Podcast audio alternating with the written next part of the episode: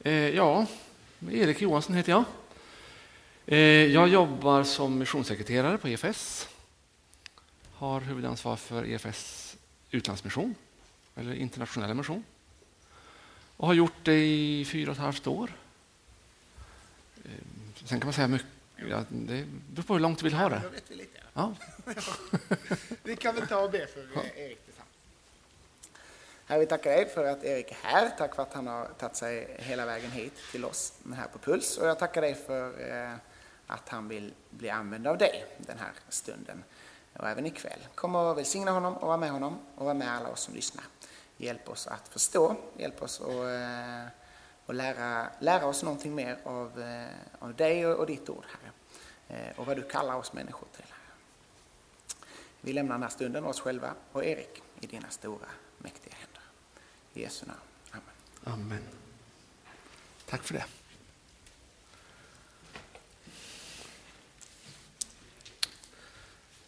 Är det någon som har haft med sig någon eh, sån här lite person som kanske inte är så van att gå i kyrkan någon gång till, till någon gudstjänst? Eh, det, det kan man göra ibland. Man vill. Det berättas om en sån som hade tagit med sig en god vän till kyrkan. Eh, och den här vännen som aldrig hade varit i kyrkan hade massor med frågor om vad som hände här och där. Varför, det, varför man gör skil, varför man står upp, varför man... Ja, allt. Och så steg predikanten upp på predikstolen så tog han av sig klockan och så la han så här framför sig. Och då frågade den här nya personen, vad betyder det där? Det betyder tyvärr ingenting.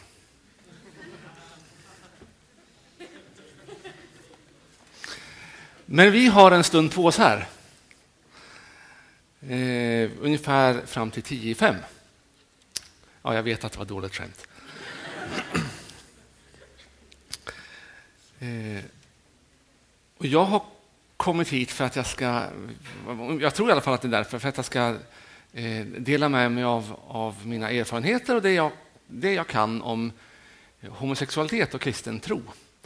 Eh, och delvis så handlar ju det om, om mig själv. Eh, jag började bli medveten om, om, mina homosexuella känslor när jag var i tonåren någon gång. Och eh, de finns väl i hög grad kvar än idag. Utifrån vad jag har förstått, som jag förstår Bibeln och eh, eh utifrån som de val jag har gjort i övrigt i livet så har det resulterat i att jag eh, inte är gift utan jag lever ensamstående eller i sexuell avhållsamhet eller celibat eller hur man nu vill uttrycka det. Som en konsekvens av, som jag uppfattar Guds ord. Och då är det mitt uppdrag den här stunden att introducera er lite grann i Bibeln och hur den hanterar frågorna kring sexualitet och homosexualitet. Som ju inte är alldeles självklart alla gånger. Det finns ju många åsikter. Och det vet ju ni som lever i den här världen och möter alla möjliga människor att det finns många sätt att se på frågorna kring sexualitet och äktenskap och kristen tro och därmed också homosexualitet. Några av er har hört mig förut prata om det här och det blir ungefär samma sak nu som vanligt. Eh, så vet ni det. Eh, jag har inte ändrat mig just på någon, någon fundamental punkt sen, sen senast. Eh, om det känns betryggande. Liksom. Eh, men sen så är det så att man kan faktiskt tycka olika. Och jag utgår ifrån att det finns att ni finns här, du finns här som, som tycker att det här verkar helt koko. Eh, och det tänker jag får ju vara så. Man får tycka olika. Men jag vill försöka ge skäl för en god eh, bibelförankrad reflektion kring frågorna om sexualitet och äktenskap kopplat till Bibeln. Och jag tror ju förstås att jag har hittat någon slags rätt väg i det här. Eh, jag tror att alla av oss missuppfattar Bibeln på olika sätt och det gör jag också. Eh, men jag tror att jag, har, jag är ungefär på, på rätt spår eh, i de här frågorna. Och jag hoppas få lära mig mer om det också genom livet. Precis som jag vill uppmuntra var och en av er att försöka bekanta er med bibelordet på alla möjliga olika sätt och i alla möjliga olika aspekter och frågeställningar. För att jag tror att det är där vi kan hitta sanningen om, om Gud, om, om, eh, om livet och, och så vidare. Det är där vi ska söka vår, vår vägledning. Jag tror att det är okej okay att säga så i ELM och ELU-sammanhang också. Eh, man får försöka liksom anpassa sig lite grann ibland. Eh, när man kommer som EFS-are till, till ELM och ELU-sammanhang så känns, känner man sig alltid lite så här privilegierad och hedrad att man får komma. Eh, eh, Eh, så det, det, det, kan ni veta att, att det, det, jag är väldigt glad över att få vara här. Det var inledningen. Eh, ska vi se om jag hittar rätt på den här. Eh, det är inte min dator så att den kanske reagerar på ett annat sätt än vad jag är van Men om jag trycker där, vad händer då? Ja. Jag vill börja lite grann prata om, om en kristen världsbild, för jag tror man måste börja där. Det kanske låter långsökt, men eh, jag har upptäckt att jag tycker det är viktigt att börja den änden. Eh, för det är så lätt att man pratar förbi varandra och pratar om varandra eh, när, man, när vi pratar om, om homosexualitet som är ett ämne som på något sätt berör människor känslomässigt. Det handlar om vår sexualitet, det handlar om sånt som ligger väldigt djupt i oss. Och eh, ja, Det väcker känslor helt enkelt. Och därför så behöver vi hjälpas åt att, att resonera lite sansat kring det här. Om man börjar med att eh, fundera på en kristen världsbild. Jag brukar fråga, är det någon som vet vem den här snubben är? Ni som har hört det förr kan ju svaret redan nu. Det brukar finnas någon sån här fysiknörd som tycker att det där måste ju vara ja, Copernicus förstås. Ja. Nikolaus Copernicus. Eh, ni ser de här cirklarna i bakgrunden där som är solsystemet. Han var så fräck så han påstod att eh, det är solen som är centrum och inte jorden. Det höll han på att bli avrättad för. Pinsamt nog av den kristna kyrkan. Eh, men eh, så var det. Eh, för Copernicus menade att det är i motsats till, till eh, sin samtid som påstod att jorden är centrum så menade han att solen är centrum. Det vill säga planeten jorden cirkulerar runt stjärnan solen. Mm. Jag tror att det är ganska okontroversiellt att påstå idag.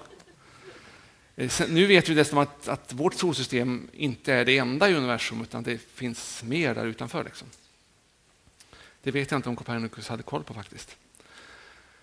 I vår tid så påstås det att människan är allting centrum. Eh, allting utgår från, från oss människor. Och eh, det, det, som är bra för en människa det, det, är riktigt och rätt. Det som är skadligt för en människa det är fel. Eh, men vi kristna menar någonting annat. Vi menar att Gud är centrum. Och att vi människor får, får förhålla oss till den verkligheten. Att Gud är den här solen som, som lilla jorden inte kan rå på. Utan jorden cirkulerar där runt solen. Skulle solen försvinna, ja då skulle det vara synd om oss. Eh, för då skulle jorden liksom gå vilse. Eller, jag vet inte vad som kan hända. Men, eh, ja. men jag tror att ni förstår poängen att det är Gud som är centrum i en kristen människas liv. Eh, och I vår tid så är det ovanligt att tänka så en eh, ganska konstig tanke för de flesta människor. När, vi tänk, när människor idag tänker att det är människan som ska vara utgångspunkten för alla beslut, alla livsval ja, och så vidare. Men vi har fått lära känna en Gud som finns där i centrum och håller i oss och som eh, eh liksom har koll. Och en Gud som faktiskt vill oss väl. Det är inte en Gud som är nyckfull och ond, utan en Gud som älskar oss och en Gud som har gett oss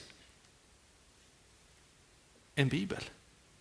Som en Gud som alltså meddelar sig med oss, talar med oss och kommunicerar med oss människor genom bibelordet framför allt. Sen också på många andra sätt. Men, men det viktigaste är ju, är ju Bibel, Bibeln. Och där kan vi lära känna vad, vad som är Guds vilja. Hur den här så att säga, mittpunkten eh, är beskaffad och vad det innebär för oss. En kristen världsbild på det här viset får konsekvenser. Vi tänker oss, vad, vad betyder det för kroppen? Ja, i, I Bibeln så står det att våra kroppar, vi människor, är skapade till Guds avbild. Och det borde också naturligtvis innebära någonting för, för det här som är vårt fysiska eh, vara, vårt fysiska jag. Eh, det är också i någon mån en, en avbild av Gud, vilket är en fascinerande tanke, eller hur? Eh, det kan man uppmuntra sig med ibland en del måndagmorgnar när man ser sig själv i spegeln. Tänka att hmm, jag är en avglans av Gud. Eh, och det kan vi uppmuntra varandra med också. Eh, det skadar inte att göra det emellanåt. Att påminna varandra om, om att vi faktiskt avspeglar någonting av, av gudomlighet och helighet. Kroppen, talar Bibeln om, är en del av helheten och hänger samman med, med själen och anden. Eh, kroppen är inte bara ett skal, eh, utan det är en del av vad det är att vara människa. Och kroppen är så fantastisk så att den duger för den helige Ande att bosätta sig i. Det är den helige Andes tempel, står det i Första Korinthierbrevet. Eh, I våra kroppar så har Gud flyttat in och bor där. Det här säger vi någonting om, om eh, hur värdefulla vi är som människor. Det tydligaste tecknet på på kroppens betydelse här är detta med inkarnationen, att Gud faktiskt valde att bli en som du och jag. Gud tyckte det var okej okay att bli människa, att bli en människokropp. Jesus var kött och blod, det är ingen tvekan om det. Eh, Gud blev en sån som du och jag. Eh, och slutsatsen då, kanske inte så långsökt, är att för Gud är kroppen viktig. Eh, det är inte ovidkommande vad vi gör med vår kropp eftersom den är en del av den här gudsavbilden. Eh, och Gud har faktiskt format oss till människokroppar. Sen vet vi att genom Eh, i den här världen finns det mycket som har gått snett och genom syndafallet så är vi inte längre så perfekta och så hela och så goda som Gud hade tänkt det från början. Och det har förstås också eh, satt sina spår i våra kroppar. De har blivit dödliga till exempel. Eh, och de drabbas av sjukdomar och handikapp av olika slag. Men det hindrar inte att vi kan se att det finns en väldigt god och vacker, skön tanke med oss som människor. I en kristen världsbild så med en sån här syn på på världen och människan så kommer vi oundvikligen i konflikt med omgivningen. Och för det mesta så, så, märker vi inte så mycket av den här konflikten utan det, går ganska, det är rätt okej okay att leva i den här världen fast andra människor tycker helt annorlunda än vi. Men ibland så krockar det och då kommer det här i dagen. Till exempel så uppfattas det av de allra flesta människor idag som ganska irrelevant att hänvisa till Gud i olika slags livsstilsfrågor. Det här med Gud är ju annars ganska inne, poppis, andlighet, vet. Eh, tror du på Gud? Ja visst, någon slags gudomlig kraft tror jag på. Ja, fantastiskt. Det gör de, de allra flesta människor, verkar det som idag. Eh, för 30 år sedan så var det mer liksom hardcore ateism i det här landet. Men nu, nu verkar folk ha en liksom öppenhet för det här med det andliga. Men att Gud skulle ha någon slags synpunkter på mitt praktiska liv, det är inte lika självklart. Eh, och till exempel så handlar det om hur jag hanterar mina pengar, eh, hur jag hanterar min kropp och hur jag hanterar min tid. Eh, och förstås andra saker också. Men det här är tre områden som, som eh, vi ganska lätt ser att vi kommer i, i liksom konflikt med omgivningen. Eh, för det här är områden där om vi, om vi verkligen tror att Gud är den han är, så har han synpunkter på alla de här sakerna.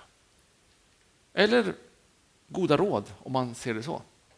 Eh, alltså, Gud tänker någonting om hur vi prioriterar våra pengar eller våra resurser, om man ska ta det lite vidare begrepp. Hur vi hanterar våra kroppar, både vad gäller mat och motion, men också vad det gäller sexualitet och på annat sätt hur vi hanterar våra kroppar. Och sen hur vi eh, hanterar vår tid, hur vi prioriterar. Vad lägger vi vår tid på? Eh, och Det är en utmaning för många idag, eh, skulle jag vilja påstå. Eh, och Det är bra att det är en utmaning, för det är någonting som vi behöver jobba med och fundera över. Vad lägger jag min tid på? Hur kan jag med min tid ära Gud och leva i Jesu efterföljd på ett så bra sätt som möjligt? Ehm, en stor tidsätare i vår tid är ju eh, de här fina bra maskinerna, datorer och telefoner och internetuppkopplingar och sådana saker. Ehm, och det kan man behöva fundera på. Hur mycket av min tid går åt till sådana saker? Och på vilket sätt? Mm. Jag tror att ni hänger med. Och där tror jag vi behöver, vi kristna behöver en eh, så kallad kopernikansk vändning. Vi behöver påminna oss om och om igen att det är inte vi människor som står i centrum utan det är Gud som står i centrum. Och vi är en liten planet som cirkulerar runt Gud. Och om inte vi tycker om Gud så hjälper inte det. Eh, Gud finns där i alla fall. Eh, så är det. Det var en liten introduktion vad gäller världsbild som jag tycker är viktig att man eh, reflekterar lite grann över. För att om vi inte har det klart för oss då kommer vi hela tiden komma i, i, i såna här omedvetna konflikter med omgivningen. Att vi argumenterar i olika frågor, inklusive frågan om homosexualitet. Och vi blir frustrerade över att vi tycker olika. Och då skulle vi kunna behöva upptäcka att aha, det beror på att vi har helt olika utgångspunkter. Jaha, du menar att människan är i centrum? Ja, det är klart, då kommer du till den ståndpunkten. Jag tror att Gud är centrum. Eh, och Det leder mig till andra slutsatser. Eh, och då kanske det egentligen är där vi borde föra debatten.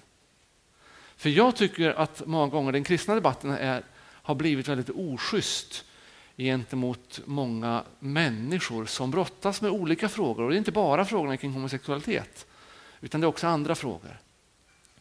När man liksom pucklar på vanliga människor som i sitt liv brottas med frågor som inte är enkla att lösa.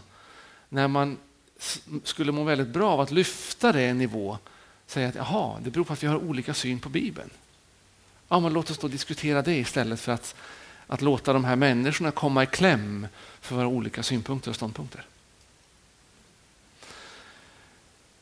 Nu skulle jag vilja gå över till lite mer konkret vad Bibeln säger om sexualitet. Om vi börjar, obs, det här står alltså sexualitet, det står inte homosexualitet eh, på den här bilden. Utan vad säger Bibeln om sexualitet överhuvudtaget?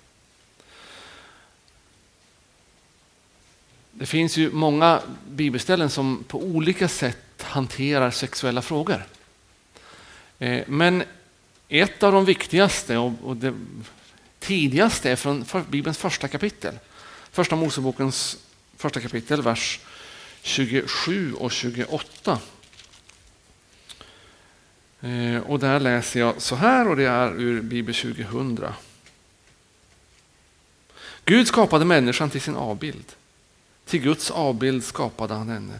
Som man och kvinna skapade han dem. Gud välsignade och sa till dem, var fruktsamma och föröka er, uppfyll jorden och lägg den under er. Härska över havets fiskar och himlens fåglar och över alla djur som myllrar på jorden.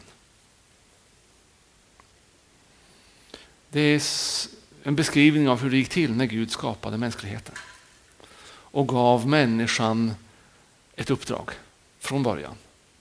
Att vara den som, i någon översättning sa att man ska vårda sig om skapelsen. Här står det härska över och det är naturligtvis olika översättningar på, av något hebreiskt uttryck som inte jag har koll på. Eh, men någonstans där eh, ringar det in vad det handlar om. Att ta hand om, att eh, liksom, hantera och även utnyttja, alltså använda för att utveckla mänskligt liv och utveckla vår, vår, vårt gemensamma liv. Gud skapade människan till sin avbild. Som man och kvinna skapade han dem.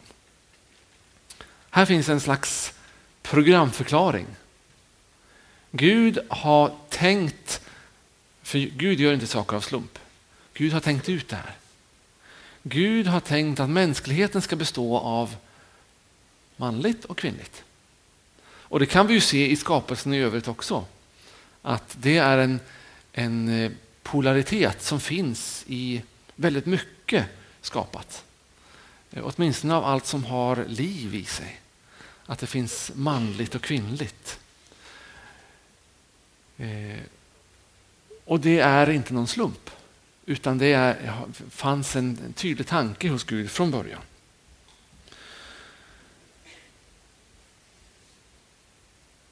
Och så står det att Gud välsignade dem. Det står faktiskt inte på så många ställen att Gud välsignar. Men här står det att Gud välsignade människan, mannen och kvinnan. Och så står det också var fruktsamma och föröka er. Och det här var ju före syndafallet. Så här var allting perfekt. Liksom. Ännu hade synden inte gjort sitt inträde i tillvaron utan det här var så länge allting var så gott och fint som det bara kunde vara. Och då säger Gud, var fruktsamma och föröka er. Jag tror att det gick till på samma sätt då som det gör nu. Eh, så Gud skulle kunna ha sagt också, ha sex med varandra. För så går det till. Och det gör ju att sex kan inte vara någonting som är fel. Eh, det är inte syndigt med sex.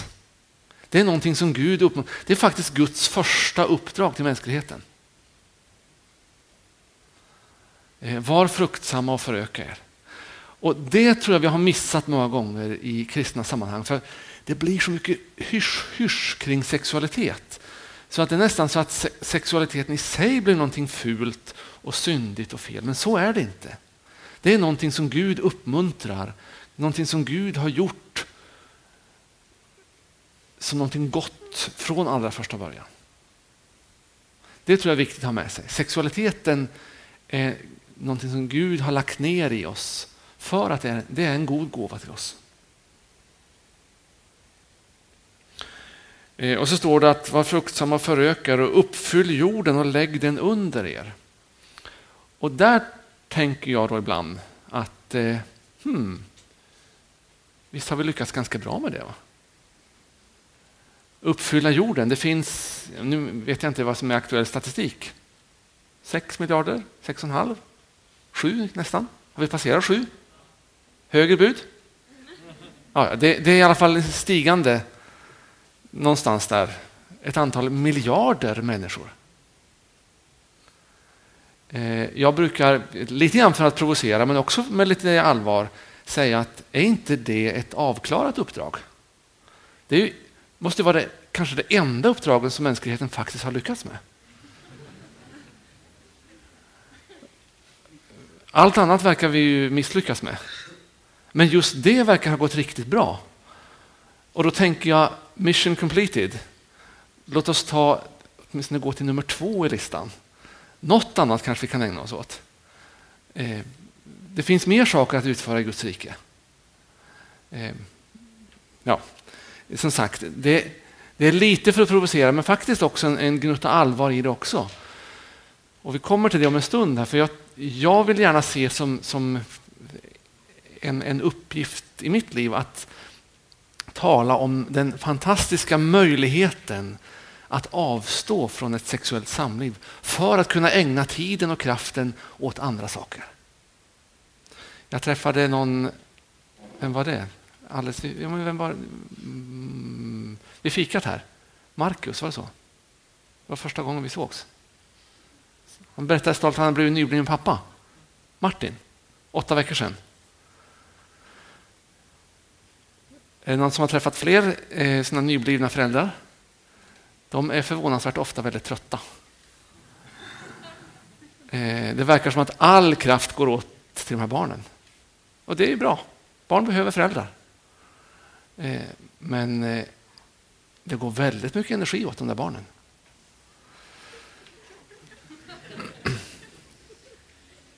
Mm. Får man säga så? Ja.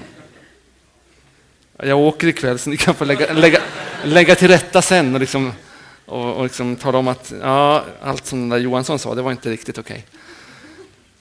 Men det var fler bibelställen här också. Eh, I andra kapitlet, vi ska inte gå så här långsamt genom hela Bibeln kan jag säga. Eh, I andra kapitlet, den 24 versen, finns också en beskrivning av, av det här när, när Gud hade skapat människan.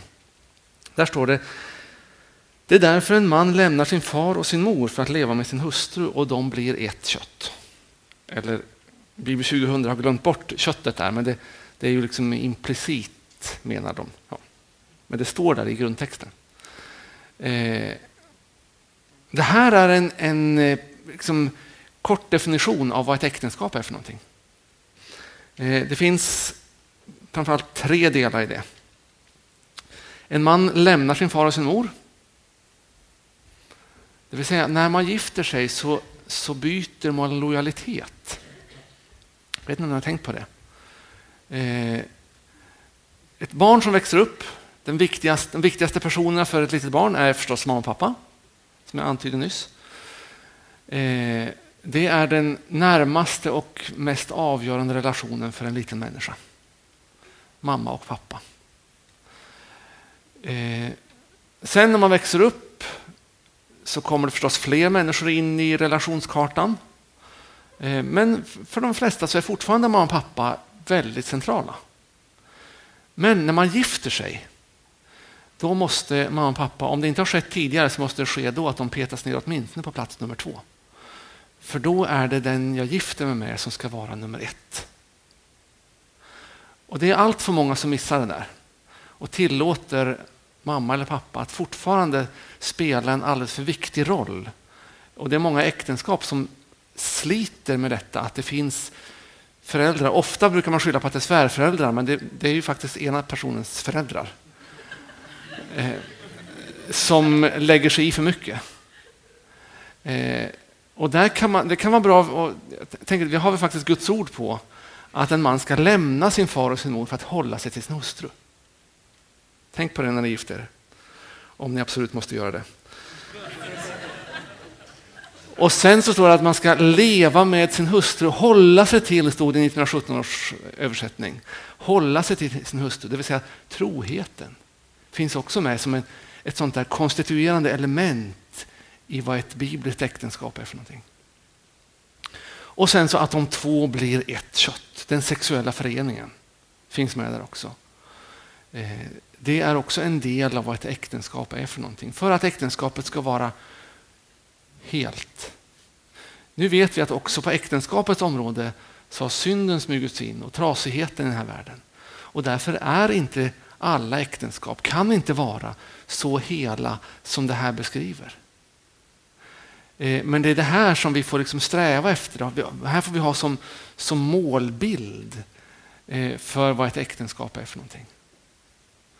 Eh, sen så får vi hantera trasigheten i oss själva och i varandra med Guds nåd och Guds förlåtelse och helande genom hela livet.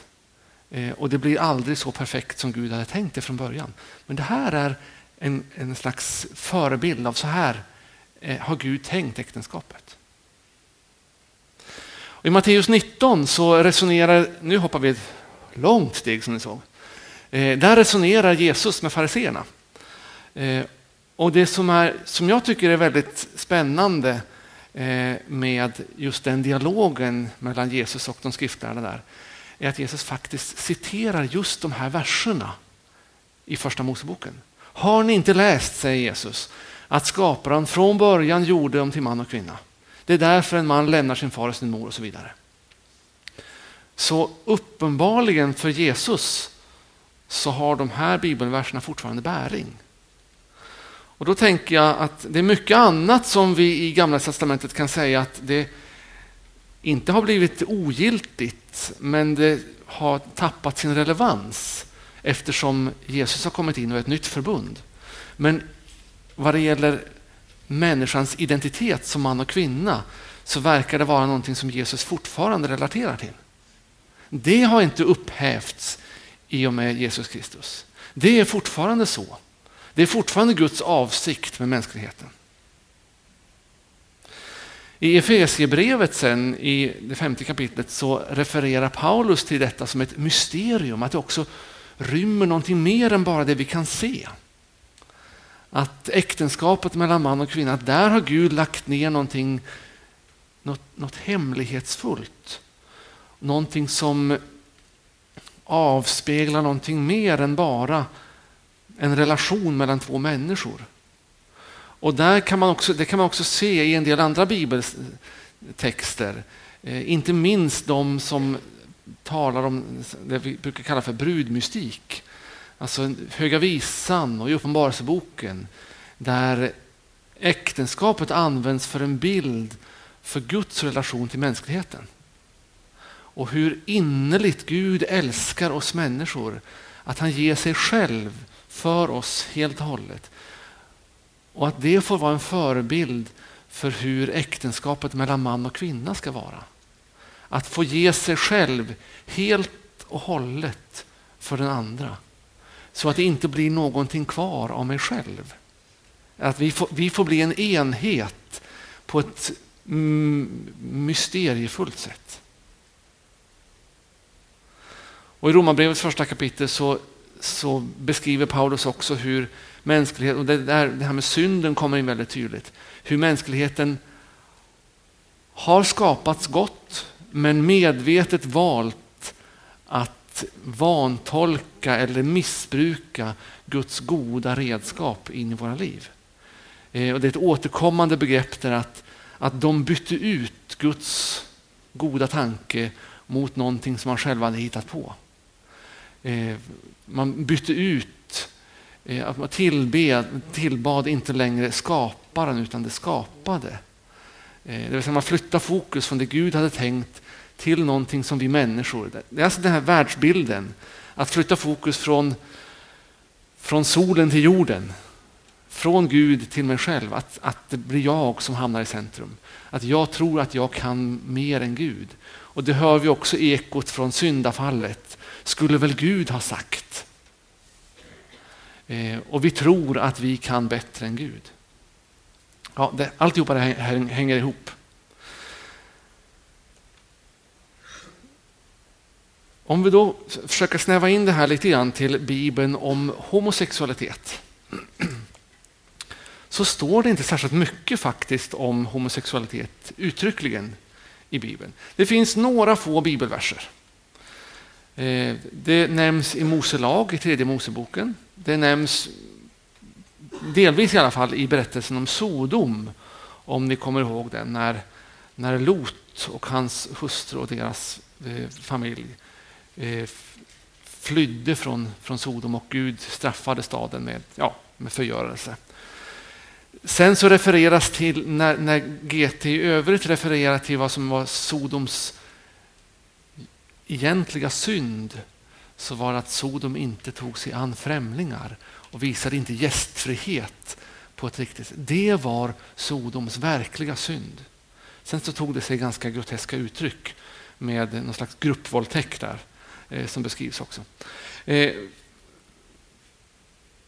så det finns på några ställen i GT och det finns på några ställen i, i Nya Testamentet. Framförallt i, i några listor över olika synder som Paulus räknar upp i några brev. Men Jesus, vad säger Jesus om homosexualitet? Ja, när jag började brottas med min homosexualitet i tonåren så tänkte jag att det här är ju en så viktig fråga för mig. Eh, så det här måste Jesus ha ägnat säkert flera kapitel åt eh, i sina predikningar. För jag upplevde som att det här var den absolut viktigaste frågan i hela världen. Eh, ursäkta min, min ignorans, men jag, jag kände så. Eh, och jag kan tänka mig att det finns en och annan här som, om det inte är den här frågan, så är det andra frågor som man tänker, det här är den största och mest avgörande frågan. Eh, och vi kan bli frustrerade över att det står så lite om det uttryckligen i bibelordet. Så Jesus säger faktiskt ingenting om homosexualitet uttryckligen. Men så fick jag med tiden ändå upptäcka att ja, men, här säger faktiskt Jesus en del saker som, som verkligen har bäring på just min situation. Eh, och för mig var det en stor befrielse att få upptäcka det. Och jag har redan nämnt om, om det och det handlar om, om eh, Matteus 19. Eh, så vi återvänder dit nu.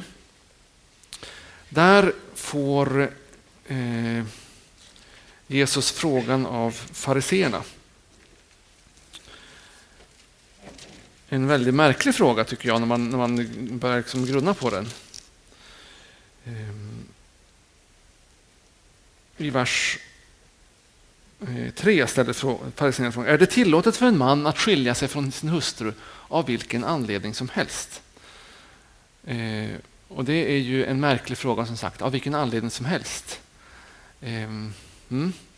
Då förklarar Jesus att har ni inte läst? Han hänvisar till skapelseberättelsen, han hänvisar till Guds ord eh, och bekräftar att så har Gud tänkt det från början. Allt annat går utanför vad Guds ursprungliga vilja var. Eh, det finns liksom inga fler alternativ presenterade här. Eh, Gud har skapat människan som man och kvinna. Ja, men om, om nu Gud hade tänkt varför tillät då Mose att man skulle få skilja sig, frågar de. Jag kan liksom höra hur Jesus suckar i sitt svar. Jo, men det var för, ska vi se vilken version det är här nu då.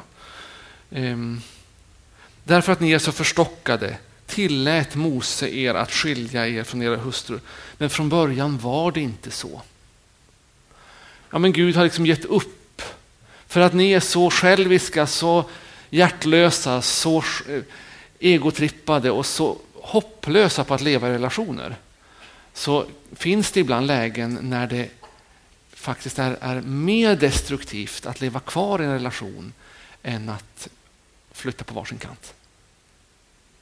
Så på något vis så finns det upp, här finns ju då öppningen för, för att bryta ett äktenskap. Men Jesus presenterar ju inte det som en slags, ja men det är ett lika gott alternativ som något annat, utan det är verkligen, ja visst, okej okay då, gör det då, men det är ju för att, för att du är så omöjlig att ha att göra med. Ehm.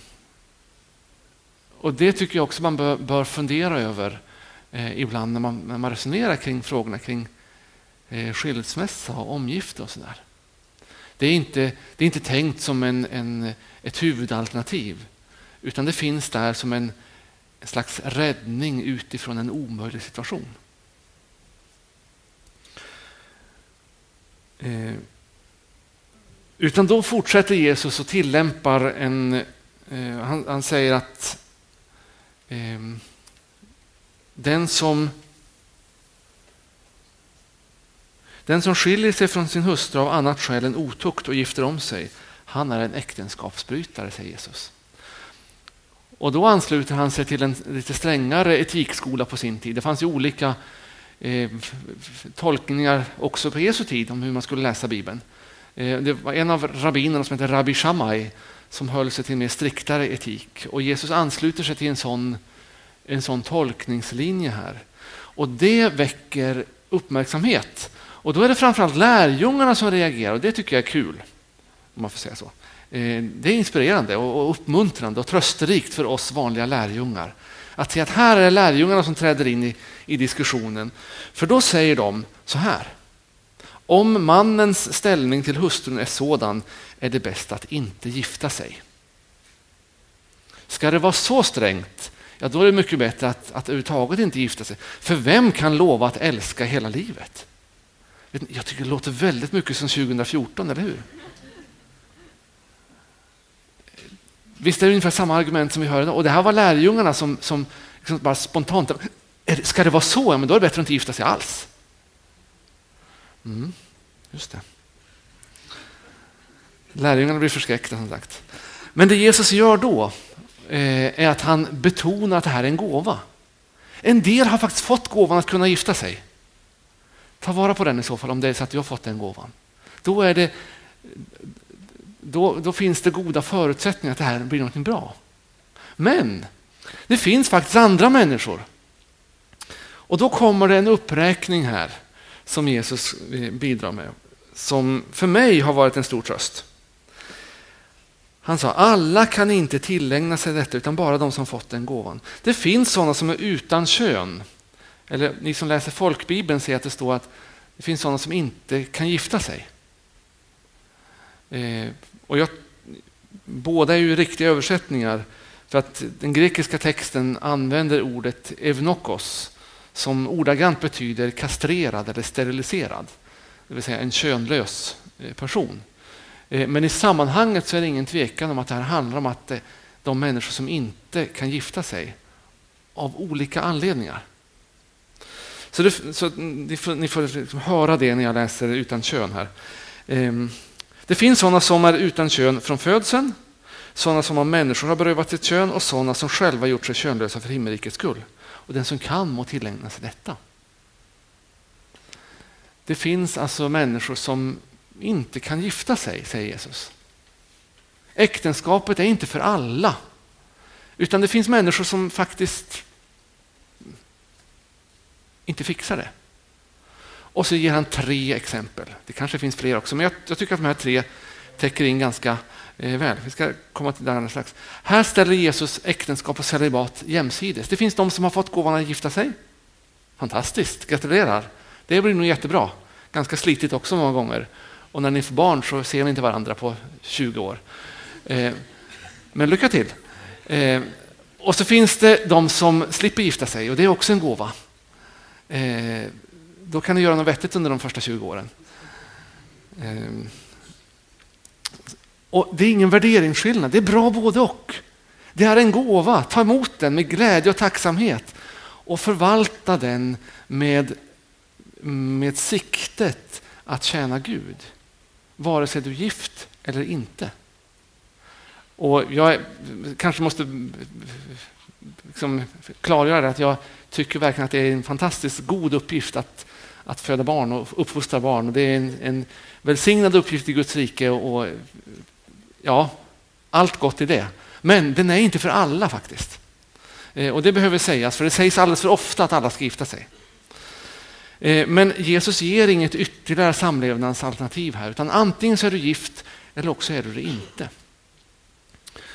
Eh, och de här tre alternativen som Jesus lyfter fram, vilket man sällan hör om när det pratas om, om celibat eller sexuell avhållsamhet.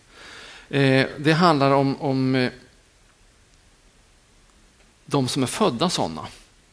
Jag tror faktiskt vi känner en och annan människa, de flesta av oss, som föds med antingen något slags handikapp eller något vis som gör det omöjligt för den människan att kunna gifta sig någonsin.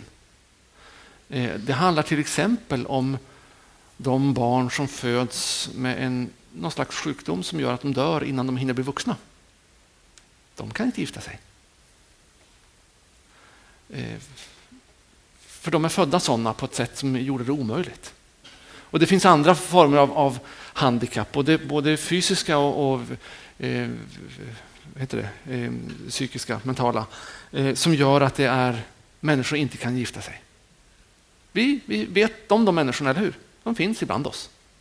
Vi kanske finns här, några stycken. Eh, men de ingår i den här gruppen av de som har fått den gåvan, ni vet. Eh, och så finns det de som eh, av människor har berövat sitt kön. Vilken hemsk mening. De som av människor har berövats sitt kön. De som har råkat ut för saker som andra människor har tillfogat dem som gör att de under inga som helst omständigheter kan tänka sig eller har förmågan att kunna ingå ett äktenskap. Vilken otrolig smärta det måste ligga i det, tänker jag. Eh, och jag tror att vi vet om dem också. Människor som har drabbats av olika saker som andra människor har, har gjort. Som gör att de känner att nej, jag kan inte komma så nära en annan människa så att jag kan gifta mig. Men de finns också med bland de här människorna som, som Jesus säger, ni har fått gåvan att vara ensamma, att vara ogifta. Eh, och så finns det de som har valt det för himmelrikets skull, säger Jesus. Och det är oftast de som lyfts fram. För att när jag pratar om det här med möjligheten med celibat så får jag ofta höra, jo men det är bara för de som har fått en särskilt hög kallelse att, att vara det. Att leva i celibat. Ja visst, det är för de som har fått en särskild kallelse, de som, de som valt det för att kunna tjäna Gud. Eh, och det är fint, och det är bra. Eh, men det blir lätt cyniskt om vi glömmer bort de andra kategorierna som inte hade något val. För de finns också där. Eh, och de finns i den här gruppen av människor som Jesus ser och sätter ord på. Ni har möjligheten att inte gifta er. Ta vara på den. Nu ser jag att klockan går här. Eh, om det någon som kommer ihåg vad jag skojade om i början så kan ni ju fundera på det. Eh, bara som sammanfattning här vad gäller en biblisk samlivssyn. Eh, Guds tanke från början var man och kvinna i äktenskapet. Genom syndafallet är all sexualitet skadad. Även de som lever i lyckligt heterosexuella äktenskap. Jag vet att deras sexualitet också har fått sina törnar. Jag har träffat tillräckligt många gifta människor för att kunna dra den slutsatsen. Det finns ingen enda människa som är hel, helt och hållet i sin sexualitet. För vi är alla trasiga. Och homosexualitet är ett uttryck för den här trasiga skapelsen. Eh, det finns många andra. Eh, men det är ett av dem. Sen så har var och en av oss ansvar för våra handlingar. Vi måste själva välja hur vi vill gestalta våra liv. Eh, och det är ingen annan som, som kan ta ansvar för dina val, utan det måste du göra själv. Eh, ja, det där kan vi ta eh, sen när vi samlas igen efter en liten paus. Men innan vi tar paus eh, så skulle jag vilja att ni vänder er om till den som sitter alldeles jämte. Kanske tre stycken om det går ojämnt upp. Liksom. Eller om ni, om ni känner er generade så får ni gå ihop fyra också. Eh, så det, och så vill jag att ni bara talar om för varandra. Var det någonting i det här som jag sagt nu som var nytt för dig? Och som var, var överraskande? Eller, du behöver inte säga om du tyckte om det eller inte. Utan, utan var det här någonting som var nytt och i så fall vad? Kan inte berätta det för varandra? I tre minuter.